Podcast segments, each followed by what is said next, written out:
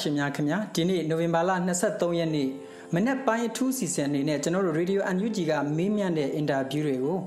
အမျိုးသားညီညွတ်ရေးအစိုးရနိုင်ငံသားရေးဝန်ကြီးဒေါ်စင်မအောင်ပြန်လည်ဖြေကြားချက်နဲ့တူတင်ဆက်ပေးသွားဖို့ရှိပါတယ်မြန်မာ့နွေဦးတော်လှန်ရေးမှာနိုင်ငံတကာတန်ခင်းတမန်ခင်းတွေခြိလန်းစိတ်လာတာနဲ့အမျှအာနာသိန်းစစ်ကောင်စီဘက်ကရောစစ်ကောင်စီပြုသမျှကောင်းငုံမခံကြတဲ့ပြည်သူတွေဘက်ကရောရင်ဆိုင်တွန်းလှန်မှုတွေအားကောင်းလာနေတဲ့အချိန်ဆိုရင်မမှားပါဘူး လက်ရှိအခင်းကျင်းမှာပြည်သူတွေသိချင်နေကြတဲ့စိတ်ဝင်စားစရာမိကွန်းတွေကိုပြည်သူတွေရဲ့ကိုစားရေဒီယိုအန်ယူဂျီကခုလိုမေးမြန်းတင်ဆက်ပေးလိုက်ပါတယ်မင်္ဂလာပါဝန်ကြီးခင်ဗျာအခုလို Radio UNG ရဲ့မေးမြန်းမှုတွေကိုလက်ခံဖြေကြားပေးတဲ့အတွက်ကျေးဇူးတင်ကြောင်းဥစွာပြောပါရစေ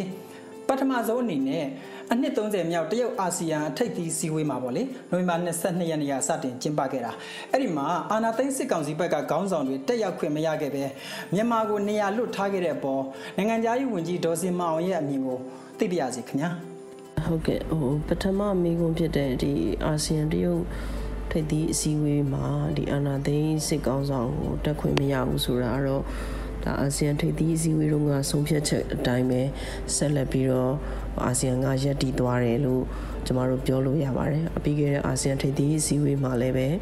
non political representative ပေါ့နော်နိုင်ငံရေးရာကိုစားပြုခွင့်စစ်ကောင်းဆောင်တွေကိုအာဏာသိမ်းကောင်းဆောင်တွေကိုမပေးဘူးပေါ့လေမပေးခဲ့ဘူးအခုလည်းဒီအတိုင်းပဲအဲ့တော့အာဆီယံထိပ်သီးအစည်းအဝေးကတော့အာဆီယံမှာတော့အမြင့်ဆုံးနိုင်ငံရေးဆုံးဖြတ်ချက်ချထားတဲ့ body ဖြစ်တဲ့အတွက်ဒီဆုံးဖြတ်ချက်ကိုကြော်လွန်ပြီးတော့အဲတရုတ်အာဆီယံထိပ်သီးအစည်းအဝေးမှာလည်းသူတို့ဟိုတခြားတီးခြားပေါ့နော်ဟိုတည်တာမြင်တာတဲ့တိုးတက်ပြောင်းလဲမှုမရှိသေးဘဲနဲ့ဒီဆုံးဖြတ်ချက်ကိုကြော်လွန်ပြီးတော့ချမှတ်လို့မရတဲ့အနေအထားမျိုးဖြစ်သွားတယ်လို့ကျွန်တော်တို့နားလည်လို့ရပါတယ်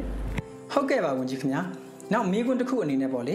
နိုဝင်ဘာလ23ရက်နဲ့24ရက်နေ့မှာကျင်းပမယ်ရာသီဥတုဆိုင်ရာအာဆီယံနိုင်ငံများရဲ့နှီးနှောဖလှယ်ပွဲကိုအမျိုးသားညီညွတ်ရေးအစိုးရအန်ယူဂျီကတဘာဝပတ်ဝန်းကျင်ဆိုင်ရာဝန်ကြီးဒေါက်တာတူးခေါင်တက်ရောက်ဖို့ရှိနေတယ်ဆိုတာအားလုံးလည်းသိကြရပါပြီဒီနေရာမှာဒေါက်တာတူးခေါင်ကို အာဆီယံစည်းဝေးဖိတ်ကြားသူတွေဘက်ကမြန်မာနိုင်ငံကိုစားပြုဝန်ကြီးမြန်မာမီနီစတာလို့တုံးနှုံထားတာကိုတွေ့မြင်ရပါတယ်ဒီအခြေအနေပေါ်မှာ UNG အနေနဲ့ပြည်သူတွေကိုဗာများပြောပြချင်ပါသလဲခင်ဗျာဆရာဒေါက်တာဒုကောင်တက်ခွင့်ရတဲ့အစည်းအဝေးကတော့ ASEAN International Conference ပေါ့နော်ဒီ ASEAN နဲ့နိုင်ငံတကာဆိုင်ရာ conference ပါဒီရာသီဥတုပြောင်းလဲရေးပြည်ပပြောင်းလဲရေးနဲ့ပတ်သက်တဲ့တဘာဝပုံမှန်ဆိုင်ရာ conference တစ်ခုမှာတခြားသောဒီနိုင်ငံခေါင်းဆောင်တွေဝန်ကြီးတွေပေါ့နော်သက်ဆိုင်ရာဝန်ကြီးတွေနဲ့အတူတက်ရောက်ဆွေးနွေးဖို့ဖိတ်ကြားခံရတာဖြစ်ပါတယ်ဆိုတော့အဲ့ဒါလည်းဒါကျမတို့ရဲ့တန်ခင်းတမန်ခင်းအရာတော့ NUG အတွက်အဲကောင်းမွန်တဲ့ဒူးတက်တဲ့ခြေလန်းတလန့်လို့ကျမတို့အနေနဲ့ ကောက်ယူလို့ရပါတယ်ရှင်ဟုတ်ကဲ့ပါဝန်ကြီးအားလုံးခြုံပြီးပြောရရင်ပေါ့လေနိုင်ငံတကာဆက်ဆံရေးဒီတန်တမာရေးခင်းတွေမှာကျွန်တော်တို့မြန်မာပြည်သူတွေဘက်ကအားသာနေပြီလို့ပြောလို့ရနိုင်ပြီလားခင်ဗျပြောရမယ်ဆိုလို့ရှိရင်ခုချိန်ထိစစ်တက်ကနေပြီးတော့ပေါ့နော်အာရွေးကောက်တင်မြှောက်ခံထားရတဲ့ အဲအစိုးရပေါ်မှာအာဏာသိမ်းပြီးတော့လူယူပြီးတော့စစ်တပ်ကအာဏာသိမ်းတဲ့အနေထားကိုပဲနိုင်ငံကမှအတိမဲ့ပြုထားတာမရှိသေးတာတခုရယ် နောက်တစ်ချက်ကကြတော့အခု NUG ရဲ့သက်ပေါ့နော်အစိုးရအဖွဲ့ကိုလည်း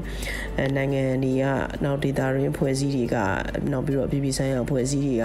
သူတို့ရဲ့ conference တွေအဲနောက်ပြီးတော့လွှတ်တော်တွေမှာကျမတို့ဟိုတရားဝင်တွေးဆုံနေတာစကားပြောနေတာအဲဒီကိုကြည့်မယ်ဆိုလို့ရှိရင်တော့ဒါကျမတို့အနေနဲ့နိုင်ငံတကာနဲ့ဆက်သွယ်ဆောင်ရွက်မှုမှာတော့ အာသာမှုတွေရှိနေတယ်လို့တော့ပြောလို့ရပါတယ်ဒါပေမဲ့ဟိုကျမတို့အောင်မြင်မှုပန်းတိုင်အနေနဲ့တော့ပြောလို့မရသေးပါဘူးဒါလန်ခုလက်မှာပဲရှိပါသေးတယ်လန်ခုလက်မှာဆိုရင်တော့ကျမတို့ကနာတဖျားတာနေတဲ့အနေအထားရှိနေတယ်လို့တော့ပြောလို့ရပါတယ်နောက်ထပ်ရောမြန်မာပြည်သူတွေအနေနဲ့အလားတူဝမ်းသာစရာအာသာမှုတွေကိုဘယ်လိုဆက်လက်မျှော်လင့်လို့ရနိုင်လဲဆိုတာကိုပြောပြပေးပါဦးခင်ဗျာ အာကျမတို့ကပြည်သူလူထုကိုဘာတွေမျှော်လင့်မှာမမျှော်လင့်မှာနဲ့လို့တော့မပြောလို့ပါဘူးအဲဒီမှာဒါပေမဲ့ကျမတို့အကောင်းဆုံးဖြစ်အောင်နဲ့အောင်မြင်မှုရအောင်တော့ ဟအာပေါ့နော်ဒီဒီဒီစင်ဆက်မပြတ်ကမ္ဘာနိုင်ငံအနေနဲ့ထိတွေ့သွားဖို့လို့ရှိတယ်ဒီအောင်မြင်မှုတွေရဖို့လို့ကလည်းကျမတို့ကပြည်သူလူထုရဲ့ပြည်တွင်းမှာရှိနေတဲ့လှုပ်ရှားမှုတွေအခွန်မဆောင်တဲ့လှုပ်ရှားမှုတွေအေးပေါ့နော်နောက်ပြီးတော့ကိုပြည်သူကိုအစိုးရပဲငါတို့အစိုးရပဲငါတို့အခွန်ဆောင်မယ်ဆိုတော့လှုပ်ရှားမှုတွေကအစပေါ့လေ